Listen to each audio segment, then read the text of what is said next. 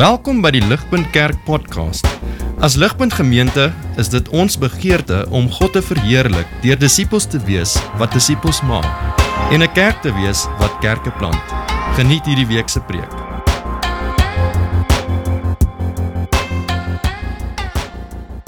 van Handelinge 2 vers 37 tot 47 wil ek net ons aandag rig op twee dinge. En dis basies die twee punte. So die eerste punt wat ek net vir ons wil verduidelik, kom vanuit Handelinge van vers 37 tot 41. En basies gaan daai teks oor hoe die Heilige Gees die woord gebruik om bekering in mense te bewerkstellig. Met ander woorde, die Gees werk nie net in die verkondiging van die maar ook in die ontvangs van die woord. En dis ons eerste punt waarna ons gaan kyk. Die tweede punt wat ons gaan raak sien is in verse 42 tot 47 dat ware bekering lei na gemeenskap. Met ander ons word gered vir groei. So om hierdie twee punte saam te vat, ehm um, wat vanuit God se woord kom, kom ons neer op hierdie hoofpunt dat geesgedrewe bekering na evangeliese gesentreerde gemeenskap. Nou dit is 'n mondjie vol ek sukkel selfs. Ehm um, kortliks, dit is ons is bekeer om in gemeenskap te wees of ons is bekeer om in gemeenskap te woon. Dis waarna ons vanaand gaan kyk. En ehm um, so dit is net die layout en voor ons ingaan in die teks, uh, kom ons bid net weer 'n keer saam. Ons kan nooit genoeg bid nie.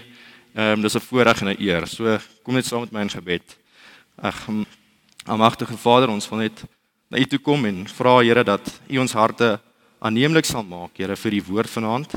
En Here dat die pragt en die majesteit van U seun Jesus Christus sal deurdring en dat die Heilige Gees, Here, ons nou gelees het, diep in ons harte sny, Here, net soos net soos hy gesny het in daai mense se harte daai tyd. Here, mag asseblief ons harte ook kom sny en die Gees lei na ware redding en kennis van die seun Jesus Christus. Ons bid dit in U naam. Amen. Soos ons na ons eerste punt gaan kyk oor geesbetree gees gedrewe bekering. Wat is dit wat ons moet sien? En dis net die vraag, wat wat waarneem? En die antwoord is hierdie dat wanneer die ware evangelie gepreek word, sien ons die krag van die Gees. Werk nie net in die verkondiging van die woord nie, maar ook in die ontvangs van die woord. Ons vat net 'n staan net so 'n bietjie terug en skets net gou 'n prentjie oor waar is ons in die teks en wat het gebeur. Uh dis belangrik vir ons eerste punt. So die Here Jesus Christus sê vir ons in Handelinge 1 dat hy beloof om die Heilige Gees uit te stuur uh met die doel dat die disippels dan bekragtig gaan word om die evangelie boodskap te verkondig aan die uithoeke van die wêreld vanaf Jerusalem, Samaria en so, en dan gaan dit so uit, brei dit so uit. So Jesus vaar toe op na die Vader toe en sy regterhand en ons begin lees in die in die eerste deel van hoofstuk 2 hoe die Heilige Gees toe uitgestort is op Pinkster, op die dag van Pinkster, die Pinksterfees in Jerusalem. Nou, dis nie per toeval dat die Gees op daai feestyd uitgestort en die gestort is nie. Dis dis spesiaal want daar het, het daar duisende mense saamgedrom van alle uithoeke van die bekende wêreld, vanaf Arabië, Sirië, Anatolië, Rome. So al hierdie mense kom nou saam in en hulle word gekonsentreer hier in Jerusalem. En skus julle. En en die mense praat nou natuurlik in hulle eie taal. Hulle kan nie mekaar lekker hoor nie. Mooi verstaan nie, maar hier kom die Gees toe en hy word uitgestort. En almal besef toe maar, joh, ons kan mekaar hoor in ons eie taal. Wat gaan nie aan? Soos dink net 'n bietjie daaraan. Wat dit is dis nog reg. En hulle is soos, "Wow, wat gaan nie aan julle soos ons verstaan dan nou hierdie ou wat Ar Arabies gepraat het of hierdie ou wat Hebreëus gepraat het. Ons kan hom nou verstaan in ons eie taal. Maar daar's 'n ander groep mense. Dis ander en hulle spot en sê: "Nee, ou. Wat wat wat dink julle? Julle moenie so bewonder nie. Hierdie mense is duidelik dronk." OK. Maar Petrus sê nee, maar dis 9:00 in die oggend. Dis is onmoontlik. Ons drink nie daai tyd nie. So hier kom Petrus gevul met die Heilige Gees wat oor die hele lang preek sê en hy verduidelik basies dat julle julle slaan eintlik glad nie die spyker op die kop wat julle hierso sien gebeur is eintlik vervulling van die skrif. En die skrif sê dat die Gees gaan kom wanneer die Messias, Jesus Christus, opvaar hemel toe na hy uit die dood uit opgestaan het. Hom. Hier is die skrif. Luister mooi. En toe kom hierdie hele preek oor Jesus Christus. En hy som dit op in vers 36 en hy sê, hierdie is nou Petrus, Let all the house of Israel therefore know for certain that God has made him both Lord and Christ. This Jesus whom you crucified. Dis waaroor sy preek gegaan het. Dat Jesus is die Here en Christus wat nou sit God se regterhand. En hy het sy gees uitgestort dit wat julle nou hier sien gebeur. En hierdie Jode is daaraan skuldig dat hulle hierdie Jesus Christus gekruisig het. Ons moet onthou nê, hierdie Jode wat voor Petrus staan, het net so 'n paar weke terug geskreeu toe Jesus nog geleef het. Ehm um, daar voor die owerhede. Kruisig hom. Kruisig hom. Let him be crucified and his blood be on us and our children. Hulle weet baie mooi wat hulle gedoen het. Dis nog baie vars in hulle gedagtes. Maar nou toe hulle hierdie geesvervulde woorde hoor van Petrus, Jesus wat hulle gekruisig het, het God beide Here en Christus gemaak. Hulle is toe vreesbevange. Lees saam my vers 37 as jy die Bybel sê. Now when they heard this, they to the heart and said to Peter and the rest of the apostles, Men and brethren, what shall we do? Hulle weet hulle skuldig. O nee. Ons is ons is mars. Ons het die Here gekruisig. God se Messias. Brothers, what shall we do? Ek onthou 'n storie waar toe ek klein was, ek was baie lief om stokke te swaai. Dit was 'n lekkertjie van my. Ehm um, my ouers sê vir my, jy weet, ek swaai dit in die huis. Jy swaai nie daai stokke in die huis nie. Jy gaan iets breek, natuurlik. Ek meen dit is 'n lang ding. Op 'n dag swaai ek my stok ouers is nie by die huis nie. Wat gaan hulle weet? Toe breek iets. O, ja, ek het geweet wat gaan kom, nee, ek is skuldig. Ek hoop maar my ouers is genadig. Daai angs nê wat ek beleef het. Is dit nie amper soos daai hierdie Jode nie? Jy weet jy's nou skuldig en daar's niks wat jy daaraan kan doen nie. Jy word blootgelê, jy's uit. Nou die teks sê Hulle is in hulle harte getref. They were cut to the heart. Hart. The heart. Ons het al daai woord gehoor. Aandiens ons moet onthou die hart is die sentrale plek van ons wese, ons begeertes. Dis dis ons identiteit. Hier kom die Heilige Gees nou. En hy tref die woorde se hart soos 'n 10 ton trok. En hy sny hulle hart harte oop om Petrus se preek regtig te hoor en te verstaan. Hy hy prikkel nie net hulle emosie nie. Hy sny harte. Die Gees is 'n hartchirurg. Hy verander 'n mens van binne. Hy maak oë oop om Jesus te sien vir wie hy is, Here en Christus. Soos ons sien in hierdie eerste punt dat die Gees werk in die verkondiging van die woord sowel as in die ontvangs van die woord. God die Heilige Gees werk nie net in die prediking van die woord nie.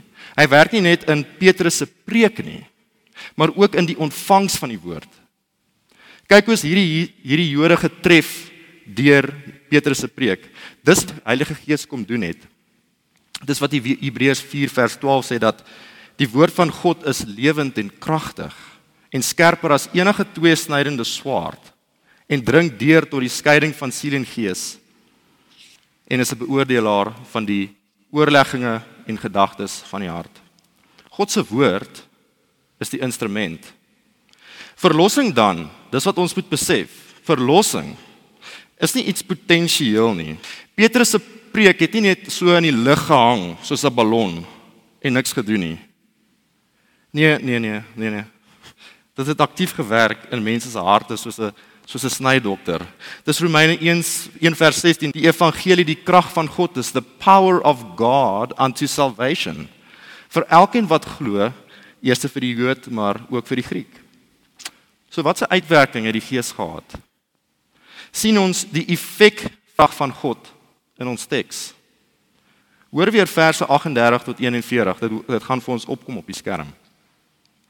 And Peter said to them, Repent and be baptized, every one of you, in the name of Jesus Christ, for the forgiveness of the Holy Spirit.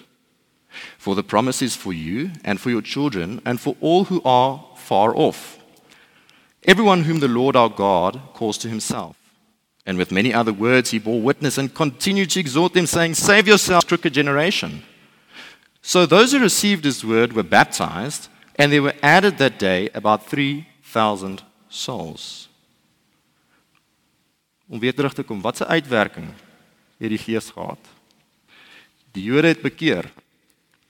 Hulle is gedoop as 'n teken en seël van hulle nuwe lewe in Jesus Christus en die dood vir hulle ou lewe. En derdens, hulle is ook bygevoeg tot die gelowige gemeenskap van die Gees. So die bewys ook dat die Gees kom werk het in hulle harte is dat die mense bekeer het. En dis waar ons 'n bietjie gaan op pause, op bekeer, repent. Petrus se keer. Dis die ingang, the gateway tot die Christelike lewe. Ek weet vir die res, weet nie van die res van ons nie, maar Ehm um, die woord bekeer klink baie keer bietjie afgewater. Dit is iets wat ons baie keer hoor, veral in 'n kerk opset is. So dit verloor baie keer 'n bietjie van daai van daai krag. Maar hierdie teks vir ons wys vir ons eintlik inteendeel nee. Insluitend vir my. Die grootheid van waar repentance. Vriende, is nie is dis die verskil tussen 'n kind van God of 'n kind van hierdie wêreld. Bekering dui aan of hierdie Jode nog teen God en Christus is of dat hulle die manier van Jesus Christus gekom het. Maar maar nou wat wat is bekering? Hoe lyk dit? Wat presies is dit? En dis 'n goeie vraag en ons gaan dit beantwoord. So net om onder waaroor ons eerste preek gaan, is dat die Gees nie net betrokke is in die verkondiging van die woord nie, maar ook in die ontvangs daarvan. En bekering is essensieel tot die ontvangs van die woord. So wat is bekering? Bekering in die oorspronklike taal beteken metanoia. Dit beteken beteken letterlik 'n verandering in denke. 'n Verandering in denke. So met bekeer, repentance, word daar eerste klep dink. Die persoon wat bekeer het, dink nou anders oor iets. So dit voel nie Maar dit begin eers met ons verstand, ons ons denke. So hier is die vraag, waaroor dink anderste? Dink ons miskien anderste oor hierdie wêreld? Dink ons anderste oor ons vriende en ons familie? Dink ons miskien dalk anderste oor morele? Onderste oor hierdie persoon Jesus Christus. Dis waar ons nuwe perspektief gaan this man from Galilee. sien jy kontras van die Jode na hulle bekeer het? Die mense wat 'n paar weke terug geskryf het, kruisig hom. Ons wil niks te doen hê met jou nie, Jesus. Wie se koning is jy? Nou, ja, Here Jesus, U is waarlik koning. U en Christus, vergeef ons ons sondes, want ons is skuldig die die krag van die gees laat hulle besef, wow, wow, wow. Wag net 'n oomblik. Wag net 'n oomblik. Hoe ons Jesus beskou het is heeltemal hy is nie sommer maar hierdie mislukte aanhitser of 'n godslasteraar nie. Hy is die seun van God, ons Messias wat ons gekruisig het. Dis wat bekering kom doen. Dit verander ons denke rondom Jesus. Die mense in vanaand se teks sien hulle was rebelle teenoor God. Hulle was skuldig aan kosmiese hoogverraad, cosmic treason. Dis iets verskrikliks. Maar ook meer as net 'n anderste dink oor Jesus. Bekering verander ook die die die rigting van ons lewens. Onthou they were cut to the heart. Iets gebeur. Iets iets fundamenteel het verander. Dis 'n 180 wegdraai, grade wegdraai van 'n liefde vir sonde en 'n haat vir Jesus Christus en God na 'n liefde vir Jesus, volle toewyding aan hom en 'n haat vir sonde, haat vir ons ou lewe. En ons gaan binnekort sien in verse 42 tot 47 hoe hierdie veranderde lewe lyk. Maar sodat ons nie net by die Jode van daai tyd nie. Kom ons bring die saak so bietjie nader huis toe. Daar word nie vanaand gepreek vir eerste eeuse Jode nie, maar maar vir ons, vir ons almal in die aanddiens hier vanaand. Ons reaksie op dit wat ons tans hoor. Verwerp ons Jesus se heerskappy? Kom ons wees nie te neerhalend teenoor hierdie Jode wat ons oorlees nie. Ons wat sê ons is Jesus, moet ook bely. Ja. My hand is ook betrokke in Jesus se kruisiging. Ek wil ook die prins van lewe dood hê. Vir ons Jesus se vergifnis, vergifnis vir ons eien. Kom ons sien dat ons hand is in sy kruisiging. Ons wat hier sit. Hoor hoe sê John Stott dit in sy boek The Cross of Christ. Ek gaan hierdie stadig lees. Dit is uitstekend. Dit behoort vir ons op te kom. More important still, we ourselves are also guilty. If we were in their place, we would have done what they did. Indeed, we have done it. For whenever we turn away from Christ, we are crucifying the Son of God all over again and subjecting him to public disgrace. We too sacrifice Jesus to our greed, like Judas, to our end, the priests, to our ambition, like Pilate. Were you there when they crucified my Lord? And we must answer, yes, we were there. Not as spectators, but as participants, guilty participants, plotting, scheming, betraying, bargaining, and handing him over to be crucified. Like Pilate, but him will be as futile as his. For there is blood on our hands. Audience, there is blood on our hands. Before we can see, begin to see something done for us, leading us to faith and worship, we have to see it as something done by us, leading us to repentance. Indeed, only the man who is prepared to own his share guilt of the cross may claim his share in its grace. Almal van ons vanaand ek ingesluit is net so skuldig in ons verwerping van Jesus. Ons kan slegs Jesus se losprys, sy betaling toeëien wanneer ons besef dis jou sonde wat hom daar gesit het.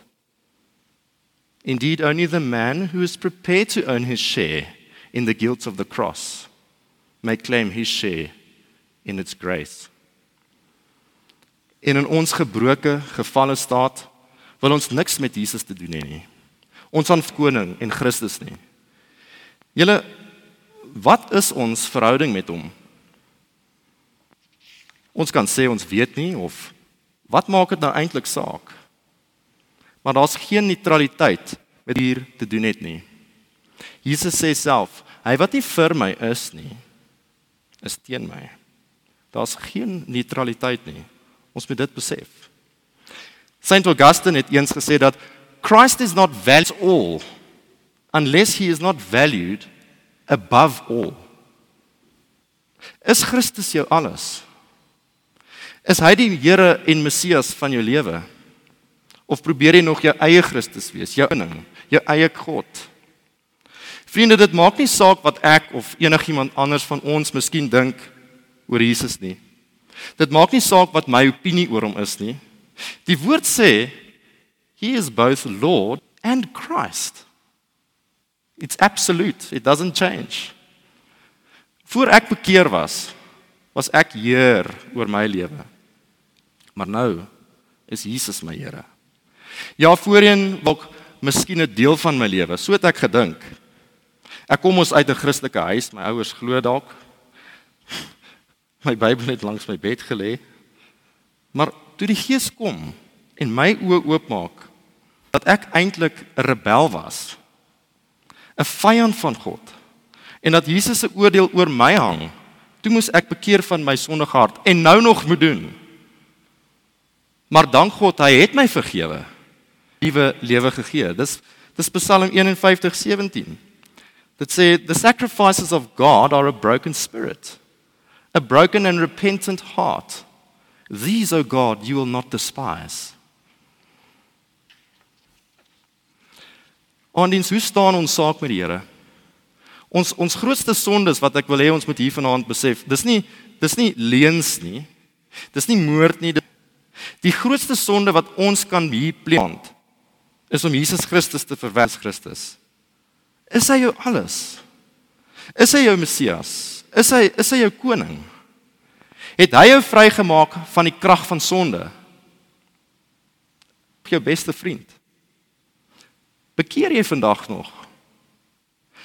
Smag jy na meer van Christus?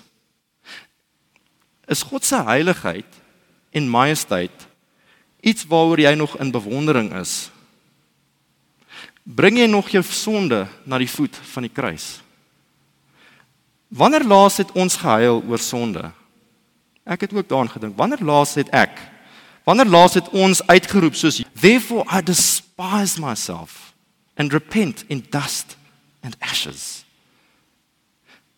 Voel ons harte miskien koud vir Jesus? As ons eerlik is, dink ek ons harte is nie so soos wat dit was toe ons hom die eerste keer ontmoet het nie. Ons het gewoond geraak aan hom. Soos 'n kind gewoond raak aan sy Kersgeskenk.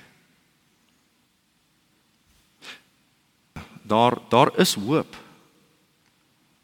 Vanaand roep God se woord ons om opnuut te sien dit wat sy seun vir ons gedoen het. Dat ten spyte van ons rebellie en haat het hy sy gees aan en ons oë oopgemaak om te bekeer en te draai in geloof na Jesus Christus wat ons sonde op hom geneem het. Sy geregtigheid, sy righteousness aan ons kom gee het. En hy het ons kom versoen Vader in 'n ewige verhouding. En Jesus is nie meer skaam om ons broers en susters te noem nie. Dis Hebreërs 2 vers 11. That is why praat ons van Jesus. Is not ashamed to call them brothers. Jesus as ons in hom glo, is nie skaam vir ons nie. Ons het miskien familie waar ons so bietjie skaam is. Weet daai broer of van my wat bietjie sukkel met 'n alkoholprobleem. Uh daai sussie wat rondslaap.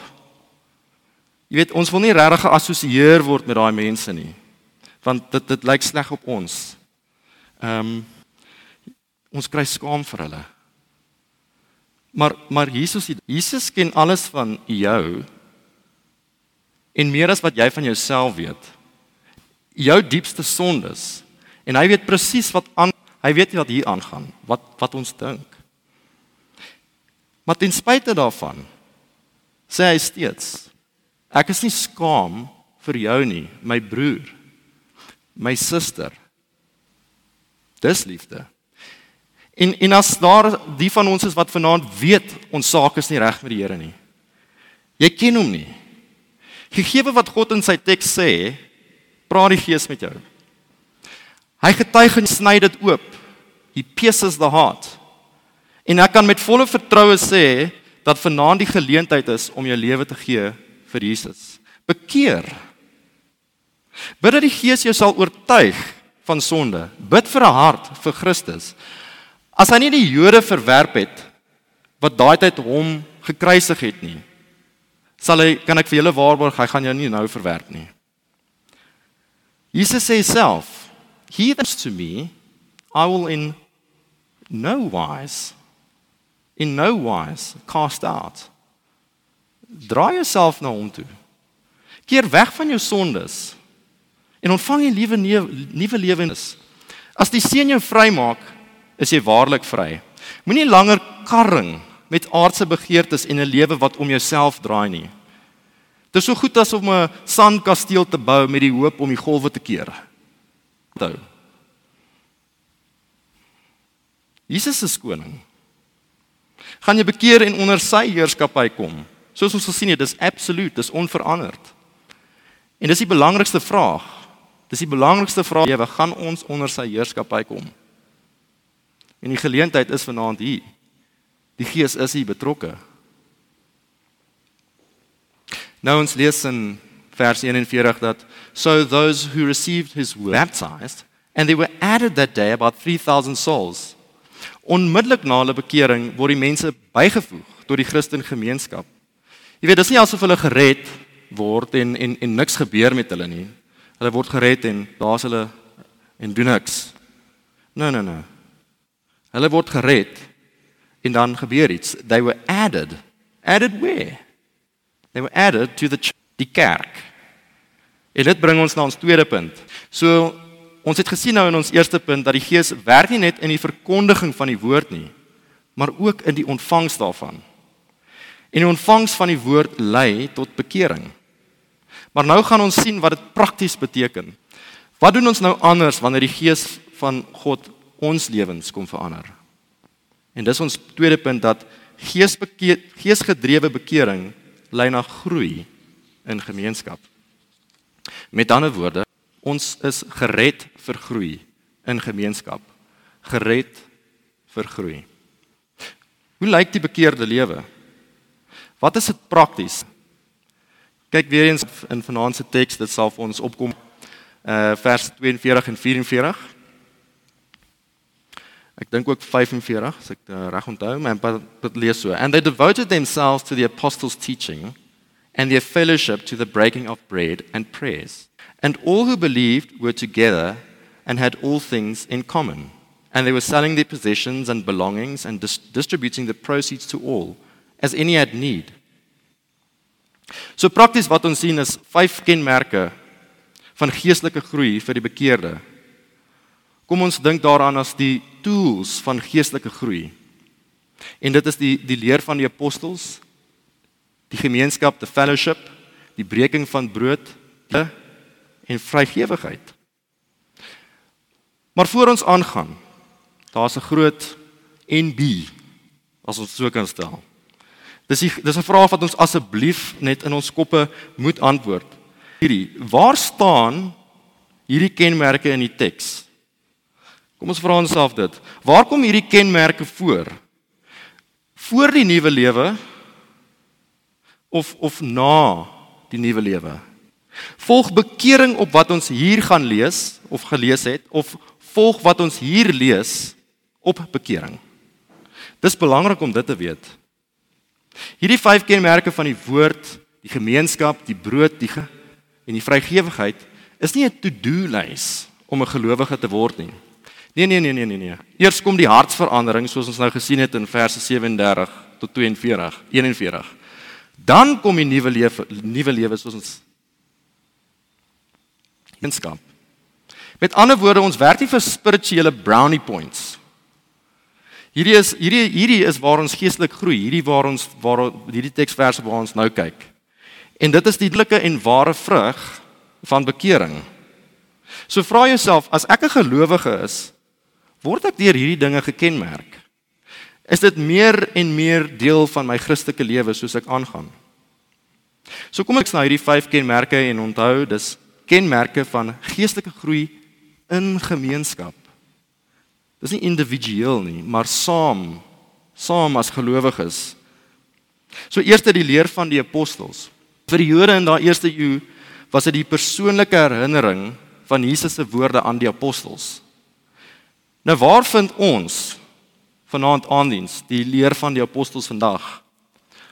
Ons was ons nie daar om te hoor wat die apostels met met met hulle monde gesê het nie. En dis in die skrif. Die die dis waar ons gaan om te hoor wat hulle gesê het. Devoted themselves to the apostles teaching. Hulle het in die leer van die apostels beskryf dit ons. Is dit hoe ons ons Sondag by einkomste sien as die gemeenskap van die gelowiges kom en onder God se woord staan om te aanbid en te en om te groei binne in gemeenskap. Vir ons konteks is die gesinsgroep, die studente, ons Sondag byeenkomste is dit vir ons vreugde. Het ons 'n honger en 'n dors om na God se woord te hoor. Ek weet ons gaan dit nie perfek doen nie. En ek kan self getuig, ek is nie altyd lus nie. Die die die bereidwilligheid is nie altyd daar nie. Maar dis belangrike woord is devoted. Kan ons leefstyl beskryf word as mense wat volhard in die woord? Of sien ons ons samekomste as iets opsioneel? Iets waarna toe ek gaan as ek lus het? So uitkyk, sê dit dit dit bring nie groei nie of eer aan God for that matter. En as ek kerk toe gaan, hier is die vraag, hoekom gaan ek? Hoekom gaan ek kerk toe? Gaan ek kerk toe om goed te voel oor myself voor die week begin? Gaan ek kerk toe om emosies te ontlok of om te prikkel? Of gaan ek na 'n kerk toe waar hulle waarvan hulle gesê word they devoted themselves 'n kerk wat onder God se woord staan en God se woord verkondig. Dis belangrik hierdie aandiens. Ek hoop ons ek hoop ons sien dit raak. Hierdie bepaal of ons groei of nie. sien ons nie dan eintlik 'n belangrike rol kerk is nie. Dis die gemeenskap van die gelowiges, die wat uitgeroep is deur die woord van God. Die tweede in gebed. Die eerste Christene lees ons het volhard in gebed. Beskryf dit ons ook. Is 'n saam bid, saam bid iets wat ons doen as gelowiges. Die teks sê as as ons gered is, as ons net reg onthou as ons gered is, is gebed veronderstel om iets te wees van geestelike groei in gemeenskap saam met ander gelowiges. En die derde een is die gemeenskap, die fellowship. Deel ons in die lewens van mekaar. Deel ons in mekaar se lewens. Die mense daai tyd het het nader geword en saam die liefde van God en die vrede van Christus ervaar. As iemand van ons nie alreeds deel is van 'n geloofsgemeenskap nie, 'n gesinsgroep of deel is van die studentegroep nie. Sê sê dit vir ons, jy verloor uit in gemeenskap. En in God iemand belangstel. Vra die tyd wat ons weet betrokke is by hierdie by die studente of in 'n gesinsgroep, selfs die van ons wat in ons kerke is. Hoe hulle dit ervaar? Hoe ervaar hulle die gesinsgroep? Hoe ervaar ons die studentegroep? Bring dit vreugde is daar geestelike groei. Ek seker verse 46 en 47 beskryf hulle so. Saamgekom het with gladness and simplicity of heart, praising God and having favor with all the people. Ons word gered ook om te groei in gemeenskap. Dis die klem van hierdie punt. In the breaking of bread, die breking van die brood. Die gelowiges het bymekaar gekom om saam te eet en nagmaal te hou. Dis ook 'n kenmerk van groei in gemeenskap. Dis hoekom ons vanaand hier die nagmaal gaan hou saam net as gelowiges om ons te herinner aan Jesus se liggaam wat vir ons gebreek is en sy bloed wat vir ons gevloei het. Die laaste een is vrygewigheid. Dis verse 44 en 45 and all who believe were together amen And they were selling their possessions and belongings and distributing the proceeds to all as any had need. Die mense het gemeenskaplike besittings gehad. Met ander woorde, hulle het na mekaar se behoeftes in liefde. R.C. Sproul stel dit so, dat die slide sal vir ons kom. Hy hy beskryf dit baie goed. Hy sê what is driving these people here in the first century and what should drive us now in this century can be summed up by the word generosity. Christians are not required to give up all their private property, but they are required to be generous. Why? Because we live under the hand of generous God. The giving of the early Christians was voluntary. They gave because they wanted to give. God loves people who express their gratitude to him. Mag dat ons gesê word dat ons harte koud is en dat ons oë na binne kyk en wegdraai van ander mense wat in nood is nie. Laat ons bekend staan as vrygewige mense, soos die eerste Christene bekend was. Kom ons kom ons wees gretig om te gee. Ons tyd, ons geld vir die wat in nood is en waar ook al daar nood is. Iemand kan vra, Ek sien nie dit nie. Waar is hierdie geleenthede om te gee? Waar is hierdie geleenthede om my tyd in te ploeg? En 'n goeie voorbeeld Ons doen dit hier by Ligpunt, dis die tutoring in Mamelodi op 'n Saterdag waar mense in skoolkinders help en waar ons ons tyd kan opgee. Finansieel, ons kan ook ons geld gee vir die kerk. As bewys dat soos Jesus homself vir ons gegee het, so kan ek my teruggee vir hom en sy kerk as danksegging. So hierdie is die vyf kenmerke En aan, en ons kan dit basies weer eens opsom as 5 punte van groei in gemeenskap. En plaas na ware bekering. Hierdie hierdie is iets wat ware gelowiges beskryf. So my vraag vanaand is aandiens is is ons ingekoop in God se model vir sy mense. Nuwe gelowige, ou gelowige. sien jy waarna toe beskryf hierdie jou geestelike lewe. Ons Christelike lewe alleen doen nie. Ons is nie in isolasie nie. Dis nie asof hierdie eerste bekeerdes tot geloof kom, hulle is gedoop en dan doen hulle net hulle eie ding nie. Nee. And day by day in the temple together. Dis wat die teks sê, together. And breaking bread in their homes. Psalm Om gered te wees is om binne gemeenskap gered te wees. Leef jy saam in gemeenskap jou geloof uit? Of is jy net hier om te ontvang? Wat kan ek kry uit ander? Hoe kan ek net kom en ontvang? Hoekom moet ek dis dis dis mos my tyd wat ek nou opoffer? Hoekom moet ek gee? Ander mense kan vir daai persoon help. Ander mense het meer geld as ek. Julle niemand gaan in van ons gaan in hierdie lewe perfek wees nie. En die Here weet dit. Of selfs ons het nie die beste van intensies altyd nie. En dis oukei. Okay. Wat hierdie is, is die ideaal. Maar dis streef ons, streef ons daarna. Dis die vraag. Kom ons deel in die vroeë kerk. Dis die tek, wat die teks na ons toe roep om te om te deel in hierdie vroeë kerk se visie van gemeenskap. Kom ons laat God se woord ons ideaal skep. Ek eindig met hierdie volgende aanhaling. Weer van Asiespraal. In this text, we have a brief glimpse, a model of the church blowing the cobwebs out of our minds and our assumptions so that we can come together in delight, praising God for what He has done for us in Christ done for us. Kom ons verbly ons hoofgod wat hy vir ons gedoen het in sy seun Jesus Christus, 'n nuwe identiteit, 'n nuwe lewe, 'n nuwe familie. Laat ons sien dat hy ons gered het vanuit sonde en dood lewend gemaak het vir hom en sy mense. Amen. Kom ons bid saam.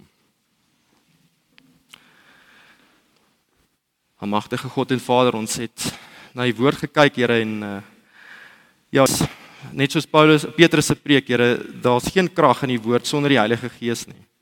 So ons vra Here dat u Gees in ons harte sal indring, harte sal oopmaak, harte sal getuig van sondes, Here, en ook harte wat koud is, Here, um, om weer warm te word vir u seun Jesus Christus. Almagtige Vader, ons ons dankie en ons loof en prys U Here dat ten spyte van ons sondes, ons ongeregtighede, selfs ons wat u kinders is, Here, dat u ons nog steeds vergewe. Ehm um, Here, ons vra dat ons meer sal groei in heiligmaking. Here, ons vra dat ons meer en meer sal gelyk word, gelykvormig word aan die beeld van die Seun Jesus Christus. Here, mag ons mense wees wat wat van van word. Ehm um, ons is mense wat in gemeenskap woon, mense wat 'n vergestalting is van van die ware bekering, mense wat lief is en omsien vir mekaar, Here. Here, U het ons geroep na 'n nuwe familie toe en Here mag ons waardig geag word as U kinders. Here Jesus, ons wil net vir U dankie sê dat U nie skaam is vir ons om vir ons broers en susters te noem nie. Here, dankie dat ons 'n reddende en lewende verhouding kan hê met U. Here, ons ons bid spesifiek ook vanaand vir die van ons wat wat se harte koud is en wat U nie ken nie. Here, dat U bekering sal bewerk. Here, sonder U is daar geen lewe nie. Daar's net duisternis. Here in in U is dit net lig. So ons vra Here dat U vir ons kinders van die lig sal maak, Here, en dat ons as U kinders sal wandel in daai lig, selfs al is dit moeilik want ons sondes word uitgewys. Here, wees met ons ook hierdie week verder in en Here hou ons veilig hierdie hierdie jaar. Here, ons bid dit in U naam en Here ons ons vra 'n spesiale seën nou oor die nagmaal wat ons gaan intree. Amen. Vir meer inligting oor Ligpunt Kerk, besoek gerus ons webwerf op www.ligpunt.com of kontak ons gerus by info@ligpunt.com